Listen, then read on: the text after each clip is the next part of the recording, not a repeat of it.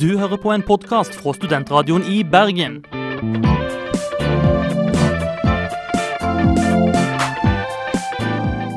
Denne og mange andre flotte podkaster finner du på podkast.srib.no.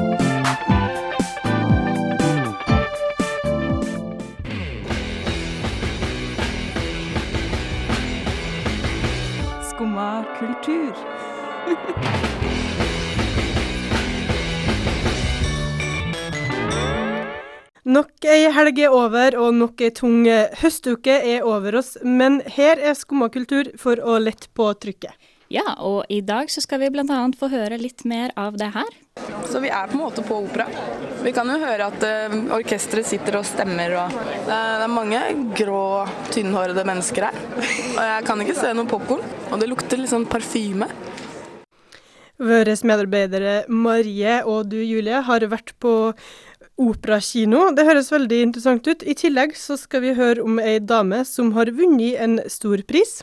The Nobel Prize in Literature for 2009 is awarded to the German author Hertha Müller, who, with the concentration of poetry and the frankness of prose, depicts the landscape of the dispossessed. Og sist, men ikke minst, så skal vi få besøk av Svein Åge Birkeland fra Beat Teatergarasjen, som skal fortelle oss litt om eh, årets Meteorfestival. Vi som sitter i studio for å geleie deg gjennom den sendinga her, det er meg, Ingrid Saltvik Fånes. Og meg, Julie Strand Offerdal.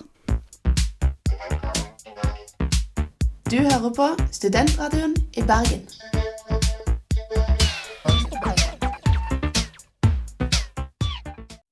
Ja, og vi skal eh, i gang med denne ukens kulturanbefalinger. Hva er det som er verdt å få med seg av kultur i Bergen denne uken? Eh, Ikke mye. ikke mye, det kan, man, eh, det kan man slå fast enkelt og greit. Men eh, det er jo det er jo sånn at det er én stor ting som i hvert fall begynner denne uken her, og det er høstens forfatterslepp. Men hva er egentlig forfattersleppet, Ja, Julie? for hør på det ordet der. Det høres liksom ut som om forfatterne blir sluppet ut på gaten som en slags sånn type kyr eller annen bøling. uh, men eh, det er jo sånn at ja, nei, høsten er kanskje tiden for å sette seg ned med en god bok og eh, ja, få oppdatert seg litt på, uh, på de nyeste bøkene og sånn, da. Men uh, i forfattersleppet så kan du gå ut av stuen din og så møte forfatterne. Og forfatterne de går ut av sine skrivestuer og, og huler, nærmest, og møter leserne. Det eh, showet her starter i morgen, tirsdag 13. oktober, og varer helt til 21. oktober. Så du har ei god uke på å møte mange store forfattere i Norge. Den offisielle åpninga er på Ole Bull scene i morgen klokka åtte. Og da skal bl.a. Sigvart Dagsland opptre, og det er samtaler med bl.a. forfatter Olaug Nilsen. Uh, og det er litt sånne småting som skjer, da. Men uh, annet, og det foregår masse ting i løpet av eh, hele forfattersløpet. forfatterslippet, og et av de arrangementene vi anbefaler, det er opplesning torsdag 15. oktober. Ja, fordi da blir det opplesning av eh, romaner, noveller og fortellinger. Da kommer Arne Lyngre, Anette Mattsson, Geir Olav Jørgensen og Stig Holmås. Eh, Det er på Losjen, og det er et av de arrangementene som er gratis under forfatterslippet. Så det er jo greit å få med seg. Klokken ni. Nei, klokken syv på Lo- Losjen. 19 er lik sju. Klokken 19 på Losjen. Et eh, arrangement som derimot ikke er gratis, men som koster en nettesum av 50 kroner, det er prosaopplesning på Riks sin visekjeller eh, neste mandag klokka åtte. Da kommer forfattere som Espen Stueland, altså Agnes Ravatn og Eirik Ingebrigtsen og leser litt fra sine forfatterskap. I tillegg så kanskje det mest spennende denne dagen, det er Dag Solstad, som skal ha en samtale med sin eh, forfatterkollega Tormod Haugland. Ja, og Dag Solstad er det jo definitivt verdt å betale for, Mm. eh, vil jeg si. Og Skumma kultur de har vært på Odda denne helga her og hatt en samtale med Eller intervjua Dag Solstad over et par glass vin, hørte jeg rykter om. Det skal du få høre mer om neste uke, men nå skal du få høre litt musikk. Ok, dette trenger vi. En halv kilo mel, én spiseskje sukker, 100 gram smelta smør og skumma kultur. Skumma kultur, ja. Hvor mye skumma kultur? En hel time hver mandag mellom seks og syv på Studentradioen i Bergen. Bergen kino har starta et nytt tilbud til sine kunder, der de direkteoverfører opera til sine skjermer. Eh, veldig praktisk, siden Bergen ikke har et eget operahus. Men fungerer det her? Julie og Marie i Skumma kultur sjekka ut det her fenomenet forrige uke.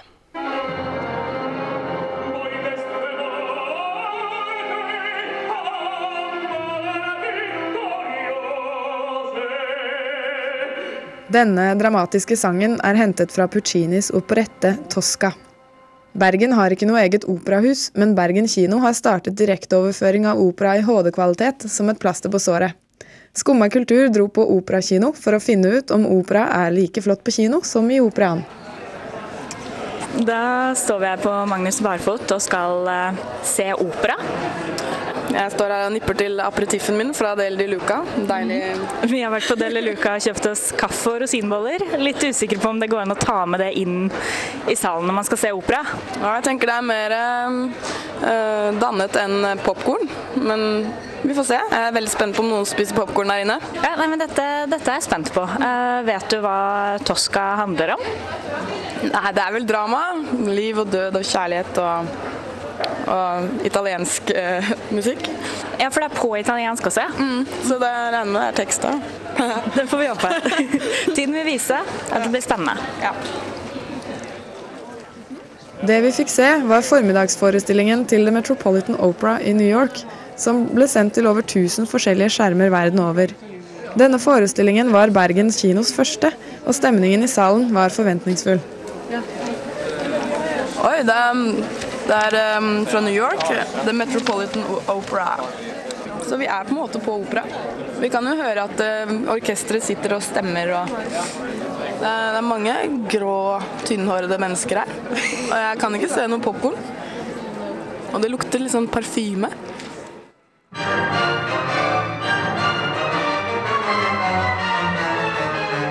Tosca er et realistisk psykologisk drama om kjærlighetsintriger og politikk. Handlingen foregår i Roma under napoleonskrigen. Vi møter den berømte kvinnelige operasangeren Tosca, som har et kjærlighetsforhold til den revolusjonære kunstmaleren Cavaradossi. Den usympatiske politisjefen Scarpia vil òg ha Tosca, og lurer de to elskende i en farlig felle. Moralen er alle dør til slutt.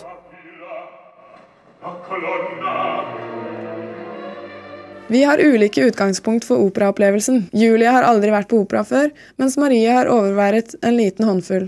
Spørsmålet er funker det å se opera på kino?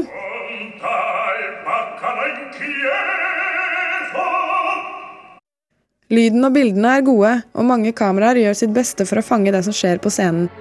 En merkbar forskjell fra å sitte i salen i New York og i kinosalen i Bergen, er at kameraene bestemmer hva vi skal ha fokus på til enhver tid. Kameraene zoomer gjerne inn på sangerne, slik at vi ikke får med hele scenebildet. Selve opplevelsen av å sitte i en teatersal blir litt redusert.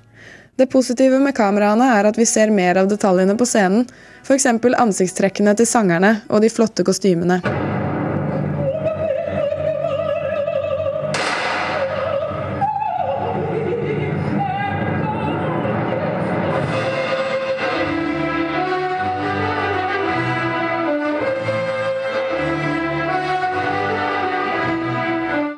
Kan vi anbefale dette?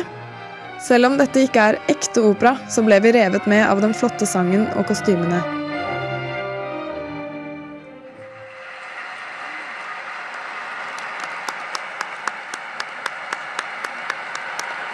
Ja, nå har altså Tosca drept uh, han slemme. Det var ganske ekkelt, egentlig. Jeg kom med et lite utbrudd da hun stakk av med kniven. For jeg bare Det var ganske stort og flott. Ja. Og episk. Vi er uh, speechless. Ja. Hvis du også vil oppleve opera på kino, er det flere forestillinger. Neste sjanse er Verdis Aida lørdag 24. oktober.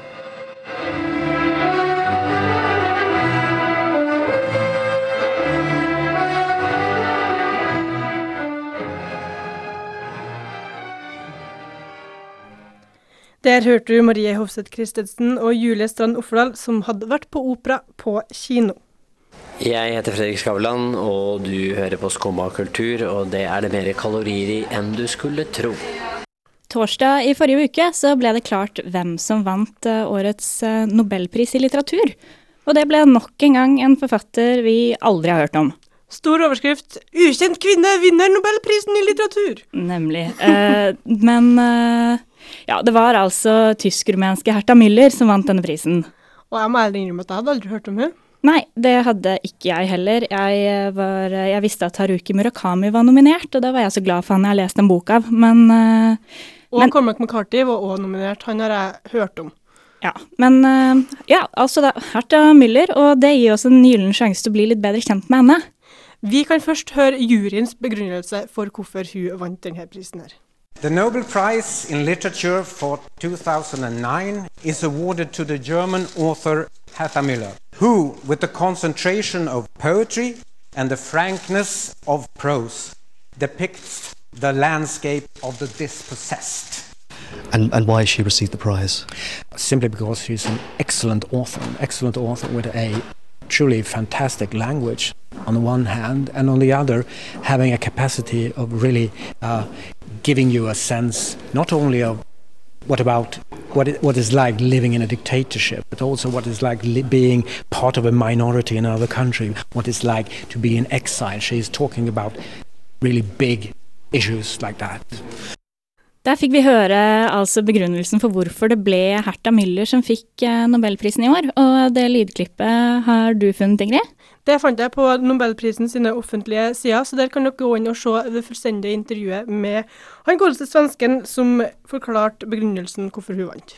Men eh, ja, altså hvem var Herta Müller, egentlig? Eller hvem er? Em, eller er. Ja, eh, jeg eh, har jo da, som dere hører, satt meg litt inn i denne personen.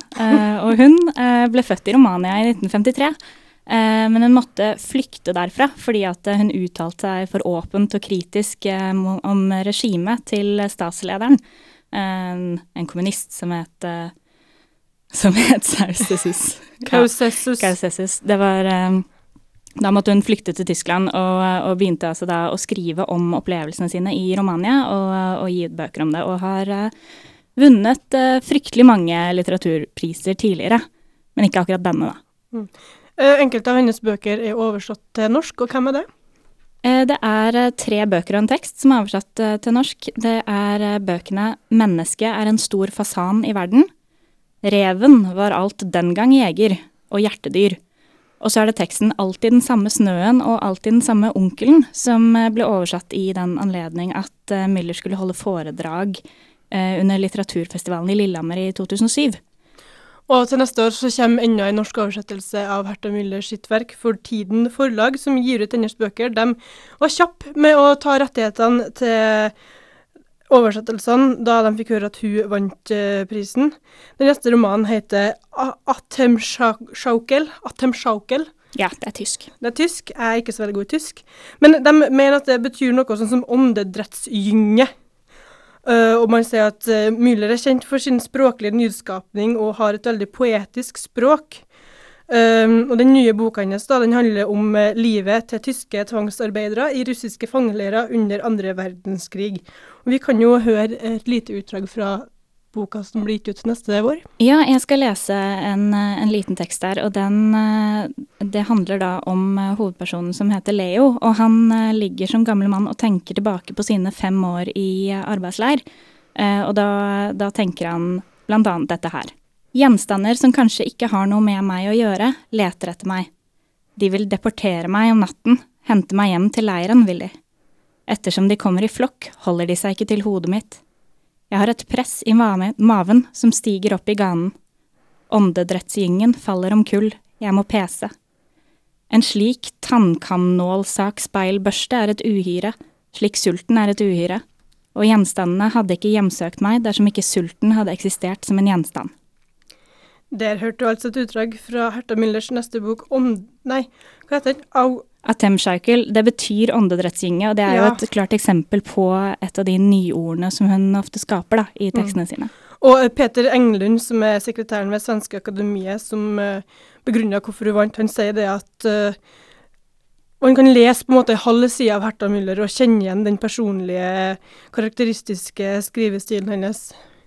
Ja, det tror jeg på. Uh, vi vil i hvert fall gratulere Herta Miller med nobelprisen. Og så gleder vi oss til å bli bedre kjent om å lese den boken som kommer i norsk oversettelse i mars neste år, da. Teater, teater, der Vorhang geht auf, dann wird die Bühne zur Welt. Teater. Skumma kultur, programmet som trives på de skrå bredder. Nå står vi her i studio og har plutselig økt antallet med 33 50? 50 Nei, 25? Jo, 50 ja. ja. Eh, det 50% er en mann, og han heter Svein Åge Birkeland. Hvem er du? Jeg, jeg er kunstnerisk leder i Teatergarasjen. Og um, vel, jeg har min forhistorie fra Universitetet i Bergen. Eh, studerte på Teatervitenskapelig institutt i mange år. Og siden har jeg vært i byen som kunstnerisk leder eller teatersjef for Teatergarasjen. For det er jo en grunn til at vi har invitert deg på besøk i dag. Det regner vi med. Ja, fordi at uh, neste uke så starter den store teaterfestivalen Meteor, som dere arrangerer. Det gjør den, og det er kun ti dager igjen. Vi teller ned. Men hva er Meteor? Ja, uh, det er et godt spørsmål, fordi uh, nå er det sånn at uh, Vi brukte navnet Meteor på denne festivalen fordi vi hadde lyst på noe cheesy og billig uh, metaforikk rundt uh, det med stjerneskudd og, og lysende ting på himmellegeme og sånn. Og så fant vi ut at en ny teaterfestival i Norge det måtte nesten hete Meteor for å peke opp.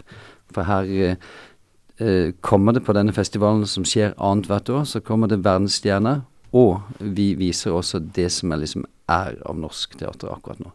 Ja, men, eh, men, hvorfor eh, har dere satt i gang en slik festival i Bergen? Nei, rett og slett fordi um, vi har jo et helårsprogram i Teatergarasjen, sesongprogrammet vårt. Vi startet noe som heter Oktoberdans som en, som en biennale også for mange år tilbake.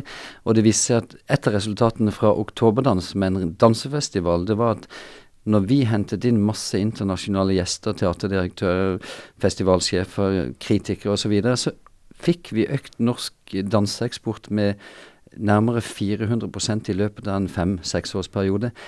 Det samme trikset ville vi gjøre overfor eh, teatermiljøet, fordi at det skjer mye bra teater i Norge. Så det, vi gjør rett og slett en oktoberdansreprise, men på feltet teater. Mm. Og vi ønsker rett og slett å, å, få mer oppmerksomhet omkring norsk teater. Men hva er det, hva er det Meteor skiller seg fra det generelle programmet til BIT? Uh, det skiller seg på det viset at, at uh, vi har en større uh, andel norske produksjoner på denne festivalen enn hele vårt sesongprogram kan greie. Det er den ene siden, pluss at festivalformatet gir oss også muligheten til å, å, hente inn noe ekstra godt fra den internasjonale teaterverdenen. Altså Festivalen er en takknemlig ramme for å liksom fråtse litt i, på dette bordets glede. Så det skiller seg ikke vesentlig kunstnerisk. Den kunstneriske diskursen er den samme, men, men, men på, på, mengde og, og, og, litt større frihet har jeg når jeg programmerer festivalen, ja. Hvem er det Meteor er for? Hvem er det dere vil uh, skal komme og se på? Det er jo en floskel å si at det er for alle, men, men etter Erling Gjelsviks gode utspill om, om klientellet borti Nygårdsparken, så kunne det være fristende å si det er for alle. Her er ingen uh, uvelkommen. Her er alle velkommen uansett hvilke preferanser de måtte ha. Det som er en fordel, er at man er litt interessert i, i kunst. Det er det første. Og gjerne ha en viss forkjærlighet for teater og performance. det er vel hovedutgangspunktet. Så, så det griper vi fatt i, og så gir vi tilbudet til de som kan betale fullt. Og vi har noen fantastiske studentmoderasjoner. Så ja, det er for alle floskel, men riktig. Jeg tror vi skal ta en liten pause, og når vi kommer tilbake etterpå, så skal vi snakke mer om hva du faktisk kan oppleve på Meteor i år. I samfunnsvitenskapen betyr kultur oftest den menneskegjorte delen av våre omgivelser. Hold kjeft, for noe pisspreik! Det der var noe lett av en kulturrabiat. Vi har fortsatt med oss Svein Åge Birkeland fra Teatergarasjen, og vi snakker litt om den store teaterfestivalen Meteor, som skal begynne neste uke. Og jeg lurer på, hva kan man oppleve på Meteor i år? Det er i det hele tatt en, en eh, konfekteske av de mer eksklusive. Uh, uh, og da berører jeg allerede noe jeg gleder meg ekstremt til, og det er selve åpningsforestillingen uh, neste torsdag, som er en koproduksjon av oss. Et team med unge mennesker fra Buenos Aires fant ut at de ville stille noen kritiske spørsmål til sin familie. Hva skjedde under og etter militærdiktaturet? Dette har vi gjort med en uh, tung tysk festival, et uh, østerriksk teater og en uh, nederlandsk festivalorganisasjon. Og det er blitt en fantastisk forestilling som har spilt to måneder for fulle hus i Buenos Aires. Der er disse problemstillingene enda veldig relevante, men vi mener at det har noe å si for et europeisk publikum også. Hvordan kunne vi la det skje? Så etter denne åpningsforestillingen så er det rett på Losjin bar, og så blir det konsert med samme gjengen fra, fra Buenos Aires. Så det blir en, en rocka, fin innledning til festivalen. Mm. Det høres jo veldig flott ut. Jeg, jeg tenker på når eh, du sier dette med Buenos Aires, og det er jo veldig mye Eller det er jo noe veldig spennende sånn internasjonale bidrag. Ja, det er det. Vi har fått um, så, For å bruke den uh, meteormetaforikken igjen, altså vi har fått noe fantastisk uh, stjerneskudd til, til festivalen det, dette året. Kombinasjonen av Rosas danseensemble og, og Forced Entertainment er jo en killer, og de kommer med en fantastisk forestilling. Vi får også Um, og når vi først uh, snakker om dans til teater uh, Allan Øyen var nettopp her og gjorde en av Norges beste teaterproduksjoner i år, så langt. Vi har også andre folk fra dansefeltet som gjør fantastisk teater, bl.a. Fiksdal og Li, et norsk prosjekt. Mm. Men, men, i det hele tatt, det er storfint uh, program, og vi kan oppleve forestillinger som bruker filmmediet i samarbeid med BIFF, og vi kan oppleve en, en, desperat frisør som hjem, rømte hjemmefra i Canada for mange herrens år siden. Nå er han på plass i Bergen på scenen. Du nevner biff, det er jo så å si samtidig som Meteor. Er det en utfordring? Naturligvis. Eh, alle vi liker god film, men heldigvis så liker noen av filmpublikummene også godt teater og god performance. Så der regner vi med at man lager en fornuftig kjøreplan disse par ukene det holder på. Jeg har sett litt på programmet deres, og særlig spillestedene. Dere har jo sånn Hordaland Kunstsenter, Carte Blanche og sånne standard uh, spillesteder. Men så har dere òg et sted som heter Sveins bil og motor. Hva i all verden er det her? Det er rett og slett en av de lokale kunstnerne, Bembo Davis, opprinnelig fra, fra eh, Canada, som har bodd i Norge i mange år. Og han skal rett og slett drive noe mekking med Shakespeare. Uh, det blir én av to Shakespeare-satsinger denne høsten, og, og vi fant ut, når han sa at han hadde lyst til å mekke fritt og, og vilt og riktig godt med Shakespeare, så fant vi ut dette kan bare finne sted i et bilverksted. Så Sveins Bil og Motor på Nøste de har rett og slett åpnet dørene for oss. og Kanskje det kuleste bilverkstedet i byen. De fikser ikke bare biler, de ordner jo også teater. Så det, det, det blir gøy. Mm. Så er det også noe som heter Sideprogrammet. Hva er det for noe? Det er for de som har lyst til å dykke litt ned i det som skjer utenfor scenen. Det er uh, seminarer som går på korrespondanse, det er seminarer som går på norsk krigshistorie. Og da viser vi til Operasjon Almenrausch, som Agder Teater og Transeteatret har satt sammen. Uh, vi har et videoprogram for alle de produksjonene som ikke kom med på festivalen, og mange flere.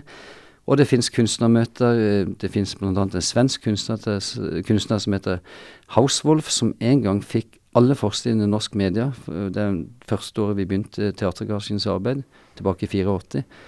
Uh, eh, og han skal komme tilbake og snakke litt om hvordan greier man å få teatret til å bli så relevant at hele media og hele Norge stopper. Veldig interessant spørsmål. Jeg tror ikke vi har tida til å begynne å føre den debatten akkurat nå. Ja, Men jeg kan gjerne være her. Ja, det kan du. Vi kan gjøre det bak mikrofonene etterpå. Vi, jeg gleder meg veldig veldig til Meteor. Kort oppsummert, tre ord eller noe sånt. Hvorfor bør man komme på Meteor?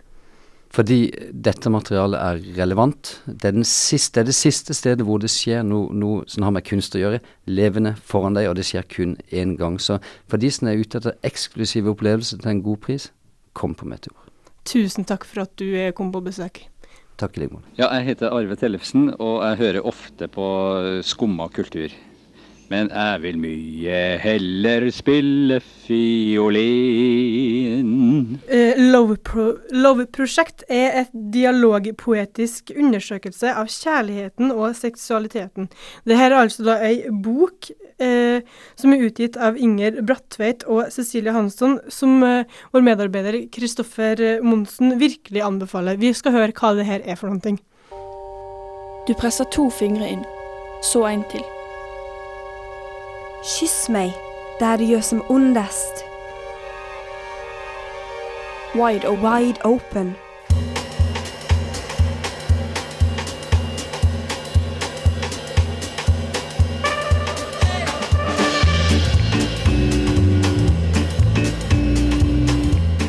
Love is any of a number of emotions and experiences related to a sense of strong affection and attachment.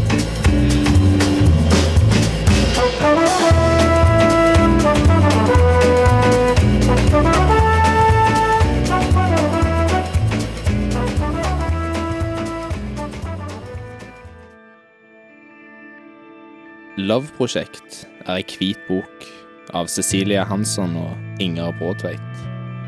Det er poesi i dialogform mellom to språk, to damer, om kjærleiken, om love.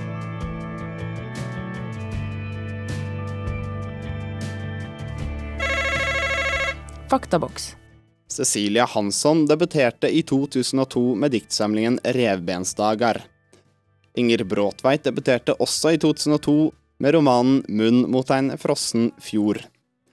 I september 2009 gir de to ut Love-prosjekt, et prosjekt de selv sier Handler om å utforske et tabufelt midt i vår tids redsle for alvor. Hur ska jag kunna tala om din hud? Din hals och dina läppar. Jeg ba ikke om et løfte. Jeg ba om en spegel, og i speilet så jeg det du ikke var.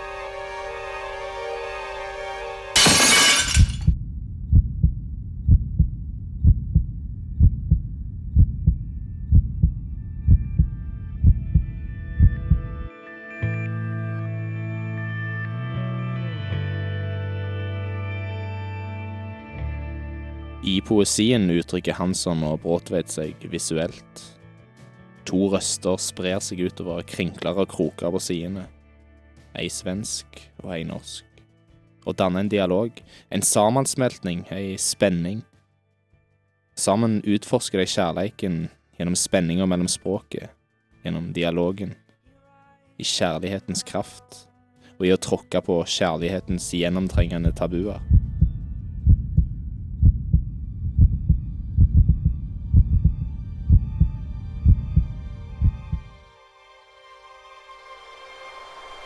I ei lysnatt fra høgmast til høgmast. Linjer av strøm i dine hender. Dirren fra hoftene suger mellom sakene og svelget. Den sprøde, grønne bristhyten. Från alle master stammer ett ljus.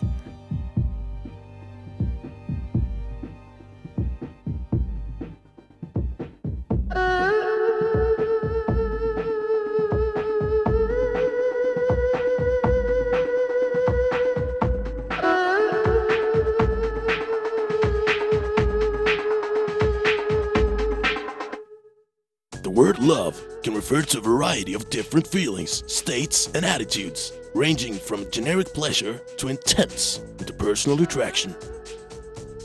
Love. Difficult to consistently define. De kaller det kjøtt. Jeg kaller det kjærleik.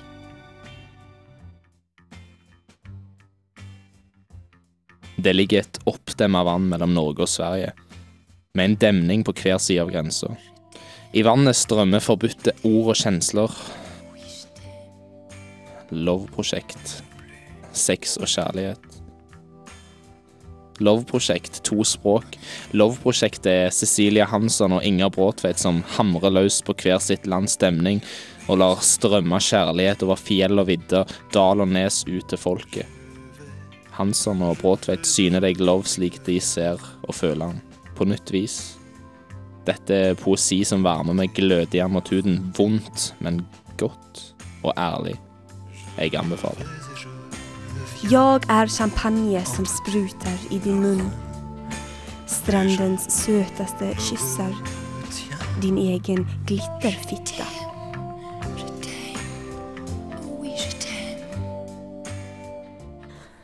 Det var altså Kristoffer Monsen som anbefalte boka Love Project. I am challenging.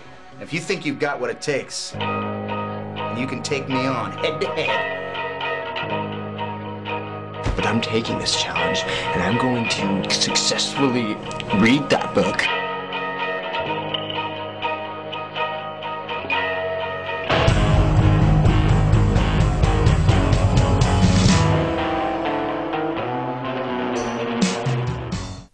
Nå har vi enda en mann i studio. Det er Knut Strand, som vant jo forrige ukes bokrulett. Hva vant du?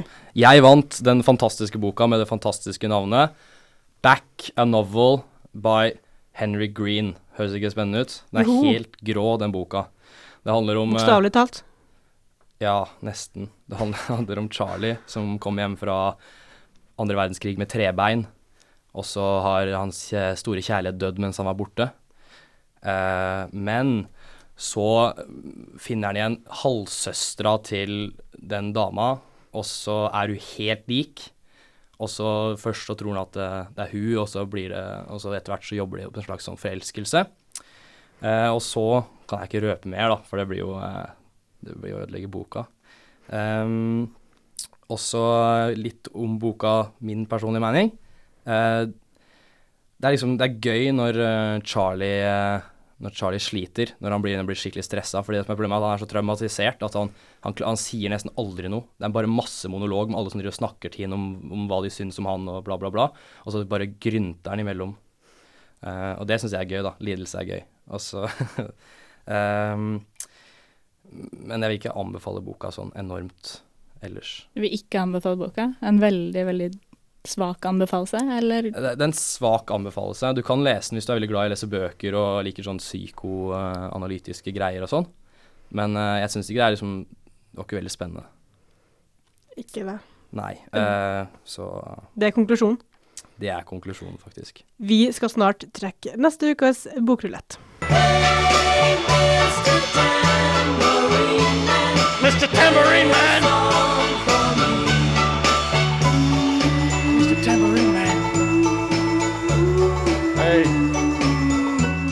Skumma kultur. Vi har det du leiter etter.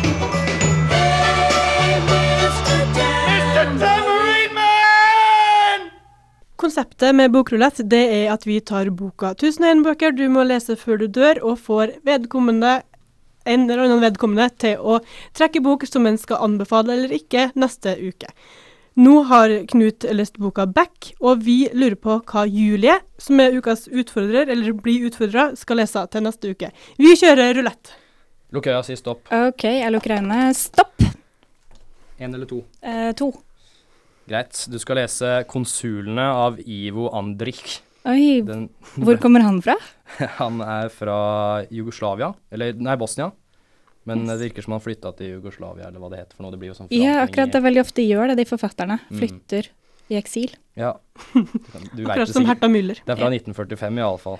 Ja. Uh, nei, men absolutt, jeg tar utfordringen. Neste uke får dere høre hvordan den er. I can love you, boy. I can love you, girl. I can love you, poor. I can love you, rich. I can love you, worker. I can love artist. Litt for mye å velge mellom? Slapp av. Du hører på Skumma kultur. Kommer ikke helt over den bokruletten, jeg. Jeg eh, fikk beskjed om å lese 'Konsulene' av Ivo Andrich. Og vi har lært at Ivo Andrich har vunnet Nobel litteraturpris. Og det vi har lært i dag, det er at det er bare ukjente folk som vinner Nobel litteraturpris.